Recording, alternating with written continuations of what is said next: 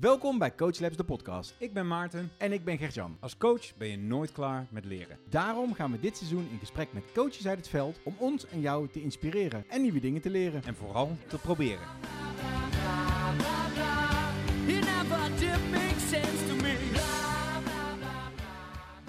Nou, welkom bij Coach Lab, de podcast. Ehm, en in dit tweede seizoen zitten we eigenlijk niet alleen achter de microfoon, want normaal gesproken zit ik hier altijd met Maarten. Hallo Maarten. Ja, hi Gert-Jan. Uh, maar we hebben deze keer ook weer een gast te pakken in deze podcast. En uh, vandaag zitten we samen met Lopke. Lopke, welkom in onze podcast. Dankjewel Gert-Jan, dankjewel Maarten. Wie, wat en hoe? Uh, ja, ik ben Lopke, Lopke Riedijk. En ik ben op dit moment de competence lead van de Agile Coaching Competence bij ASML IT. En uh, uh, nou, dat klinkt wel leuk binnen ASML. Groot, een van de grootste, uh, misschien wel, hoe omschrijven ze zichzelf? Het, de grootste techspeler, maar de meest onbekende techspeler is een beetje dat, dat idee. Ja, precies. Dat klopt. Zo staan we ook wel bekend. En ik denk dat we ook een heel hard groeiend bedrijf zijn en ook steeds meer in Nederland bekendheid krijgen. Ja, en nou, Maarten en ik weten het, want we zijn er zelf ook een beetje bij betrokken. Maar jullie zitten ook midden in allerlei leuke avonturen uh, met het meer agile gaan werken binnen het hele bedrijf.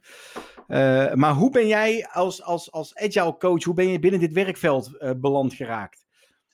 Ja, we hadden het er net al over, hè, dat er eigenlijk geen echte opleiding bestaat om agile coach te worden. Dus ik denk dat je... Um, dat uh, voor mij in ieder geval geldt dat ik in de loop der tijd heb geleerd dat er een aantal uh, zaken voor mij persoonlijk heel belangrijk zijn in het werk. En uh, ik ben er ingerold, dus ik ben tien jaar geleden in de IT begonnen. Ehm, dat vond ik heel erg leuk. maar ik miste vooral ook wel het stukje het menselijke aspect, zeg maar, binnen de organisatie waar ik toen terecht kwam. Wat voor een rol ben je in begonnen? Ik ben ooit begonnen als uh, programma management officer, dus in uh, ja, het oude programma projectenwereld eigenlijk. Wauw. Ja. Ja, wie niet? Okay. Ja, voor, dat voor de meeste van ons wel geldt. En ik denk dat je ook daar, um, ja, als je daarin uh, werkt en als je dat dagelijks doet en ziet waar grote programma's tegenaan lopen in de organisatie en de manier van werken en de uh, transparantie en problemen en de, het, ook het menselijke stuk, dat dat wel, um, ja, voor mij wel in ieder geval een, een van de redenen is geweest waarom ik uh, um, ja, de liefde voor Agile ben gaan ontwikkelen, zeg maar. Ja. En hoe, hoe ben je dan ooit met Agile in aanraking gekomen? Heb je ooit, uh, zag je ergens iets staan of nou, wat was je eerste introductie met Agile? Nou, eigenlijk denk ik dat ik al agile werkte voordat ik uh, ooit als agile coach begon of voordat ik bij de IT begon. Want uh, ik kom oorspronkelijk uit uh, de horeca, dus ik heb jarenlang een restaurant gehad. En ja, waar anders agile dan bij een restaurant, waar je niet weet hoeveel klanten je krijgt, waar je niet weet welke gerechten er moeten worden geserveerd. En je niet weet wat voor weer het wordt. En je dus heel erg flexibel moet zijn en goed voorbereid moet zijn, maar niet te goed. Um, kwam ik tien jaar geleden uiteindelijk dus wel in de IT terecht. En toen sprak men daar al over uh, het combineren van development en operations. En ik had geen flauw benul dat dat DevOps was, maar dat was het wel. En um, vond het mooi om die gesprekken te zien, ook tussen de development uh, manager en de operations manager, hoe dat gescheiden was. En hoe ze graag naar elkaar toe groeiden, maar hoe moeilijk dat ook was, hoe complex dat was. Het, uh, de term uh, over de schutting gooien heb ik uh, vaak gehoord in, in die eerste vijf, zes jaar van mijn carrière binnen IT. Altijd wel gezien dat er vanuit die teams en vanuit die mensen een enorme motivatie was om zaken bij elkaar te brengen. Ja. Dus dat was ja. mijn eerste ervaring. En jij bent nu, zoals je aangaf, competence lead voor de agile coaches. Wat houdt dat precies in? Ja, uh, bij ons uh, hebben we uh, een, nou, iets van een jaar geleden hebben we een top-down transformatie ingezet voor, voor het naar het agile werken gaan. En um, we hebben daar ook competenties in het leven geroepen. En competenties zijn um, um, ja, eigenlijk domeinen die van strategisch belang zijn voor onze organisatie. En ja, agile coaches of het agile denken, de agile mindset, is natuurlijk nu van wezenlijk belang voor onze organisatie. Dus wij zijn ons gaan inrichten als een competentie. binnen onze competentie zitten alle, alle agile coaches. en iedereen zit natuurlijk met zijn voeten in de modder binnen een organisatieonderdeel. En in de competentie komen we samen om kennis te delen, om standaarden en guidelines te ontwikkelen, waarmee we onze organisatie verder helpen. Ja, ja precies. En wat heb jij, wat heb jij aan, aan trainingen en opleidingen mogen volgen of gevolgd om ja, toch, ik denk als, als competence lead uiteindelijk op te staan binnen jouw bedrijf? Nou, ik denk dat uh, ik heb ooit een HBO Travel Trade Management gedaan met algemene bestuurskunde en bedrijfskunde enzovoort enzovoort. Uh, ben daarna al heel gauw uh, de horeca ingerold, dus organiseren zit in mijn bloed. Maar ook teams, grote teams managen zit ook in mijn bloed, dus dat, heb ik, dat doe ik al jaren. Um, binnen um, mijn vorige job heb ik uh, ook al een Scrum Master opleiding gedaan. Dat was dan het eerste officiële documentje, zeg maar, richting Agile. Uh, maar ja, zolang je niet met je voeten in de modder gaat, zijn dat maar documentjes. Dus dat is, dat is heel lastig. Hè? Dus op het moment dat je dan geen echte Scrum Master activiteiten gaat doen, of binnen een team komt wat niet echt scrumt, dan ja, wat heb je dan aan zo'n papiertje? binnen ASML heb ik een interne coach-to-coach opleiding gevolgd. Um, en ook daarvan zeg ik, ja, zolang je niet met je voeten in de modder gaat, is het ja, niet volledig waardevol. Dus uh, ik ben eigenlijk tijdens die coach-to-coach-opleiding ook al direct bij een van onze afdelingen gaan coachen. En um, ook een, leiderschapstraject opgezet. En ja, dan gewoon maar gaan en beginnen. Ja, nee, dat komt me heel bekend voor. Ik ben ooit de echte stap naar agile werken was toen ik Maarten leerde kennen, jaren geleden, toen hij ging coachen waar ik uh, aan de slag was. En uh, toen dacht ik, hé, hey, ik kan dit ook best goed. En toen kwam ik eens op een coachlabs, terwijl ik als deelnemer, toen kwam ik erachter, oké, al die theorietjes die ik heb gelezen, geleerd, ja, dat toepassen is nog best wel lastig. Mm -hmm. Dus dat proberen we ook juist binnen coachlabs te doen, om mensen daadwerkelijk uh, een, een, een plek te geven waar je dit soort dingen kan oefenen. Want uh, ja, voordat je het echt goed kan, zul je een paar keer onderuit gaan. Ja. Uh, en kom je wel een paar situaties tegen waar je, uh, ja, waar je mee aan de slag moet, zeg maar. Ja. Um, en de eerste keer zal nooit de beste keer zijn, denk ik. nou, dat proberen we ook een beetje dit seizoen te doen. Wat heb je voor ons bij? Wat ik zelf heel graag doe, is dat ik ehm, vanuit de complexiteit door te zwart-witten, zo noem ik dat nou eenmaal, klinkt niet altijd even goed, maar dat ik uh, dingen behapbaar probeer te maken. En um, binnen de organisatie waar ik werk is complexiteit heel erg sexy en ook heel belangrijk. En het is ook echt complex. Dus um, waar ik vaak tegenaan loop is dat het um, soms zelfs binnen een paar seconden van iets heel simpels iets heel groots gemaakt kan worden. Ja. En met een reden. Dus um, die complexiteit. Wat, ja? wat bedoel je dan met een reden? Wat, wat, uh... Ja, die complexiteit zit er ook echt. Dus weet je, die is er ook echt. Dus het is niet zo dat, het, uh, dat, ze iets heel dat men iets heel complex maakt van iets wat het niet is. Het is er ook echt. Alleen de kunst is om het dan weer klein te maken. En um, waar ik in het begin uh, heel erg tegenaan liep, in de, vooral het eerste jaar, was dat ik vaak werd meegezogen in die complexiteit. En dat het dan heel lastig is om uh, weer terug te komen en de mensen echt te helpen en echt te coachen daarop. Um, ja.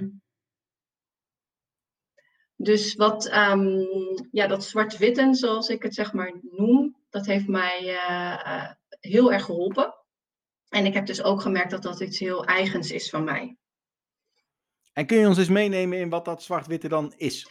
Ja, het is um, eigenlijk zo dat je het. Kijk, elk, alles begint met luisteren en vragen. Hè? Dus um, elk, elk, elke sessie, of het nou individueel is of, met een groep, alles begint eigenlijk met luisteren, um, aandachtig luisteren, begrijpen wat er zich speelt. Uh, eigenlijk het hele verhaal eerst gaan zien. Dus de hele complexiteit ook daadwerkelijk gaan zien.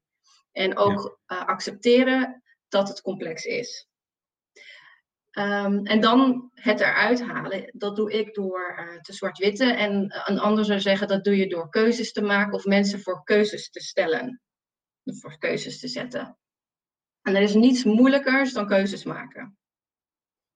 Want als je het ja zegt tegen het een, zeg je nee tegen het ander.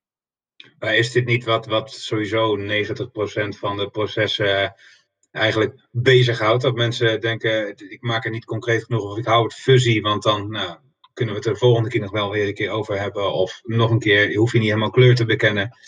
Ja. Dat het eigenlijk orde van de dag is binnen zeker grote gecompliceerde omgevingen. Ja, en ook gewoon bij de meeste mensen. Het is, het is gewoon hartstikke menselijk om de opties ook open te houden en, en, en er uh, in een grijs gebied te zweven. Dus wat ik, ja, wat, ik zeg ook niet dat je een keuze moet maken, maar stel je toch voor dat je een keuze zou maken. Hoe, hoe voelt dan de ene keuze en hoe voelt dan de andere keuze en wat zou dan de eerstvolgende stap zijn? Um, maar ja, uiteindelijk begint dus alles met wel het begrijpen van het vraagstuk. Dus het begint altijd met luisteren, met kijken, met observeren, met de complexiteit begrijpen, uh, de wereld begrijpen waar men in zit. Uh, het ook, uh, ja, niet alleen het begrijpen, maar het ook gewoon echt teruggeven dat je het, dat je, um, dat, dat, het, dat het echt complex kan zijn. En, en, um, maar dat er wel stappen uh, gemaakt moeten worden om eruit te komen. En dan heb je... Het is interessant dat je dat zegt, want het voelt, het voelt vaak al als je de situatie wil begrijpen. In mijn hoofd zit nu zeg maar die veters met een vijfdubbele knoop erin. Uh, en als je wil gaan begrijpen, doordat je die vragen kan gaan stellen, kun je misschien al een eerste knoop losmaken. Mm. Uh, um, en wat je daarna denk ik wil doen, is dat je zichtbaar wil maken dat er nog heel veel knopen te doen zijn maar dat je misschien wel eens met de volgende knoop kan beginnen. Ja, uh, absoluut.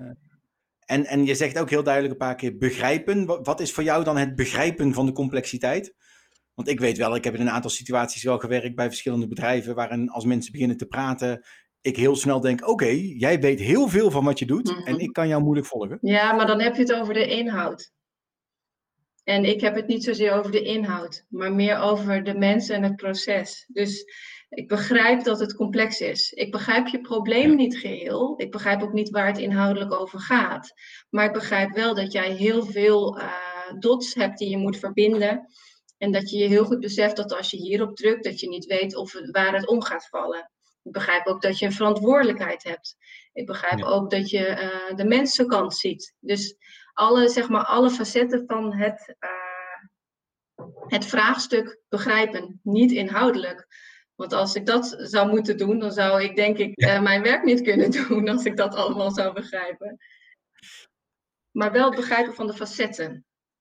Nou, wat ik, wat ik, wat ik tenminste wat ik in denk te horen, en het, um, ook gelijk bij jou een check of dat zo is, Lop, is wat je volgens mij doet, is mensen die vastzitten, als je als coach met iemand bezig bent, die heeft over het algemeen een hulpvraag of een bereidheid om die te onderzoeken. Dus wat je doet, is dat je eigenlijk heel transparant maakt en heel zwart-wit maakt, zodat je iemand het inzicht geeft dat er best wel afwegingen en keuzes zijn die je wel kan zetten. Dus het komt voor mij, en we hebben daar Gert-Jan ooit eens met Rens over gesproken, solution focused. Volgens mij heeft het ook heel erg in het licht van, oké, okay, je hebt nou een aantal stukken waarop die vastzit, maar er zijn wel degelijk dingen waar je wel iets mee kan. Ja, ik denk dan altijd aan een van die liberating structures, de 15% solutions is dat. Dus dat is dat je je focust op dat wat je wel kunt doen. En wat, um, wat het ook heel sterk kan, uh, kan maken, is dat je gewoon eigen voorbeelden geeft. Kijk, ik heb persoonlijk in hele uitzichtloze situaties gezeten, waarbij, je echt, waarbij ik echt dan dacht van, ik kom hier nooit meer uit. Niet op het werk, maar in mijn persoonlijke leven. En um, die 15% of die 15% solutions, dat is dat waar, wat ertoe doet. Dus dat wat je wel kunt doen. En dat maakt dat je je weer sterk voelt en dat je weer het gevoel hebt dat je in ieder geval in de lead bent. En dat gevoel hebben we natuurlijk graag. We doen graag iets. Hè, want dat betekent dat we zijn. En um, ja, die 15% solution vind ik wel een hele mooie ook om te gebruiken, ook in, in heel, dit, heel dit kader. Hè? Dus complexiteit, ja. um, eruit slopen, keuzes maken en dan die keuzes maken. En dan kun je 15% solutions heel goed gebruiken. Zijn er ook situaties waarin je het niet zwart-wit hebt kunnen maken, waarin het uh, in het middengebied bleef? En, en, en hoe kom je daar dan weer uit? Ja, dat, is, uh, dat gebeurt regelmatig. En ik denk um, dat um, dan het belangrijkste is dat, dat je als coach ook beseft dat niet alles eh, gaat uh, in de uh, snelheid die jij voor ogen had. Dus soms moet je dan een beetje geduld hebben, het even laten varen, het even laten landen en dan daarna nog een keer op terugkomen. Um, de complexiteit zit vaak ook in de mensen hun hoofd. En de mensen hebben gewoon tijd nodig om dat zelf een klein beetje te gaan ontrafelen. En dat gebeurt niet in een gesprek. Dat gebeurt juist vaak daarna. Of in het weekend. Of als iemand gaat fietsen of gaat wandelen. En dat, geduld moet je zeker hebben. Het geduld en het geloof ook dat het wel gaat gebeuren. En dat mensen dat ook, uh, dat wat je hebt uh, losgemaakt, dat ze daar verder mee gaan. En ja, dan is het uh, soms een kwestie van geduld. Ja, wat ik ook wel een mooie vind is, tenminste die helpt mij heel vaak. We hebben uh, ook een collega die er heel goed is om die spiegel voor te houden.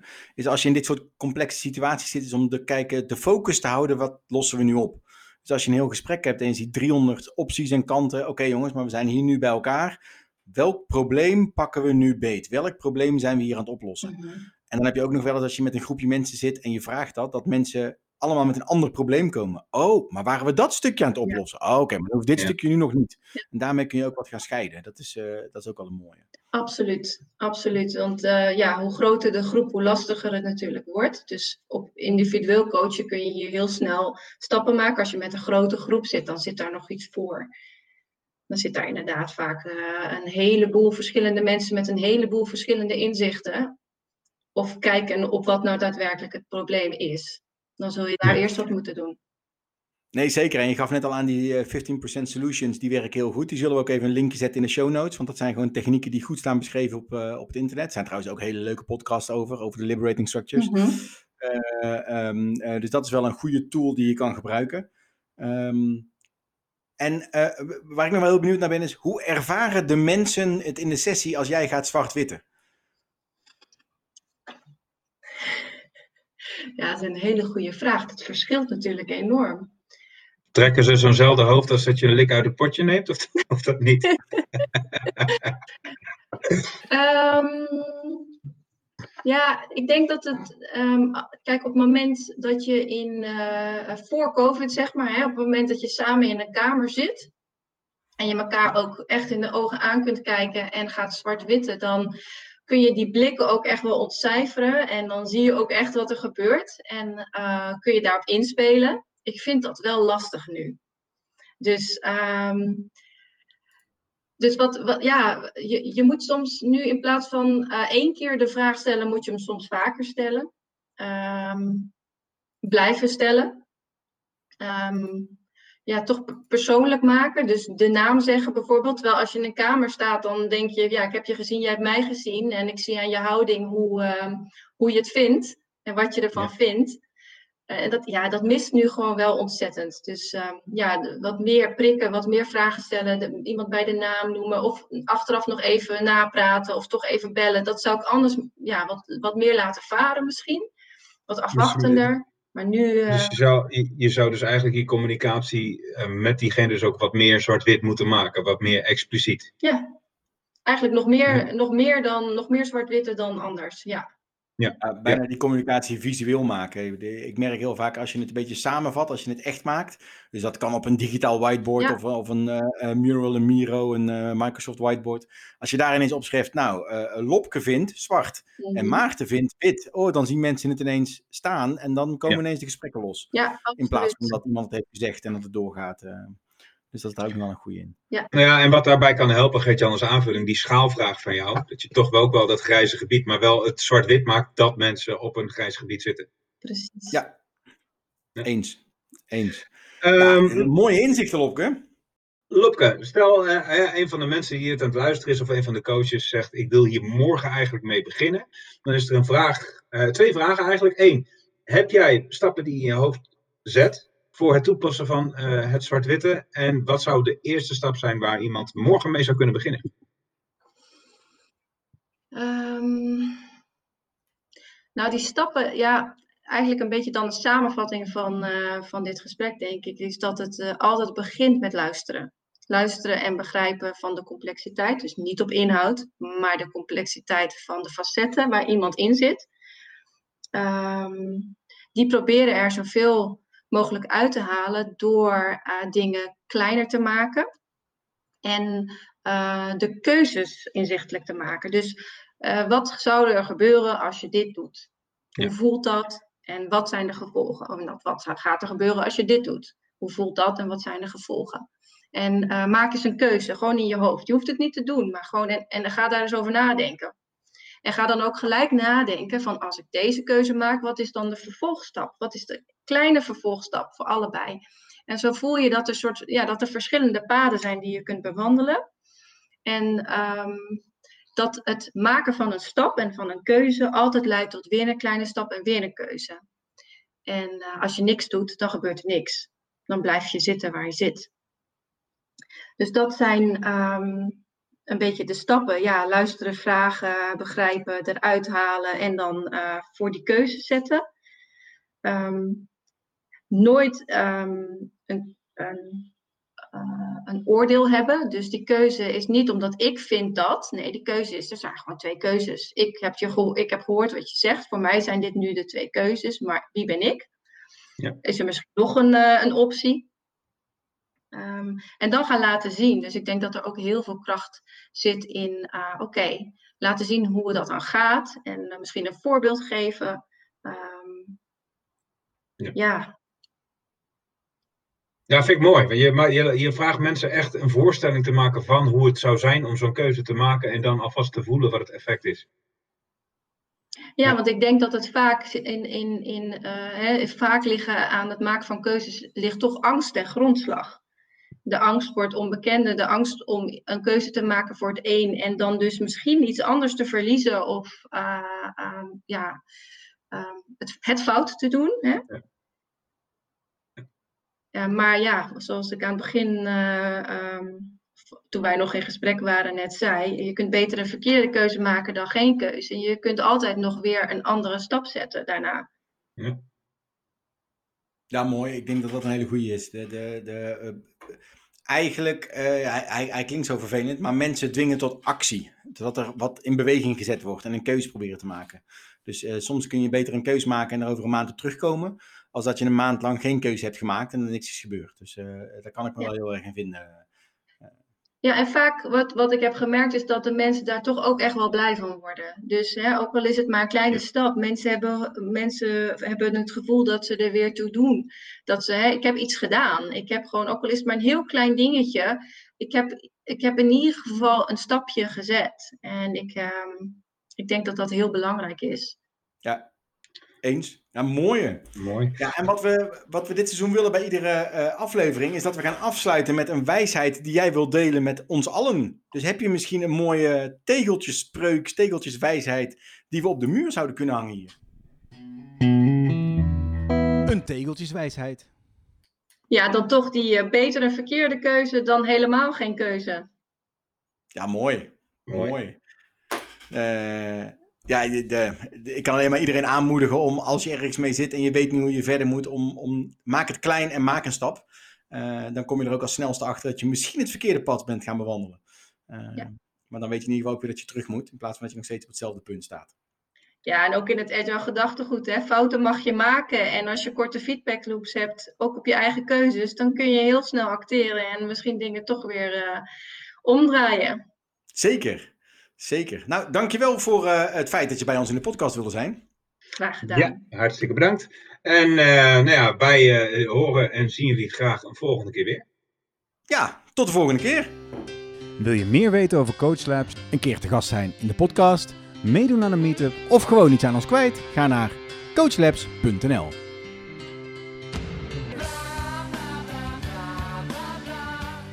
Deze podcast wordt mede mogelijk gemaakt door Humanity Nederland. The best place to grow.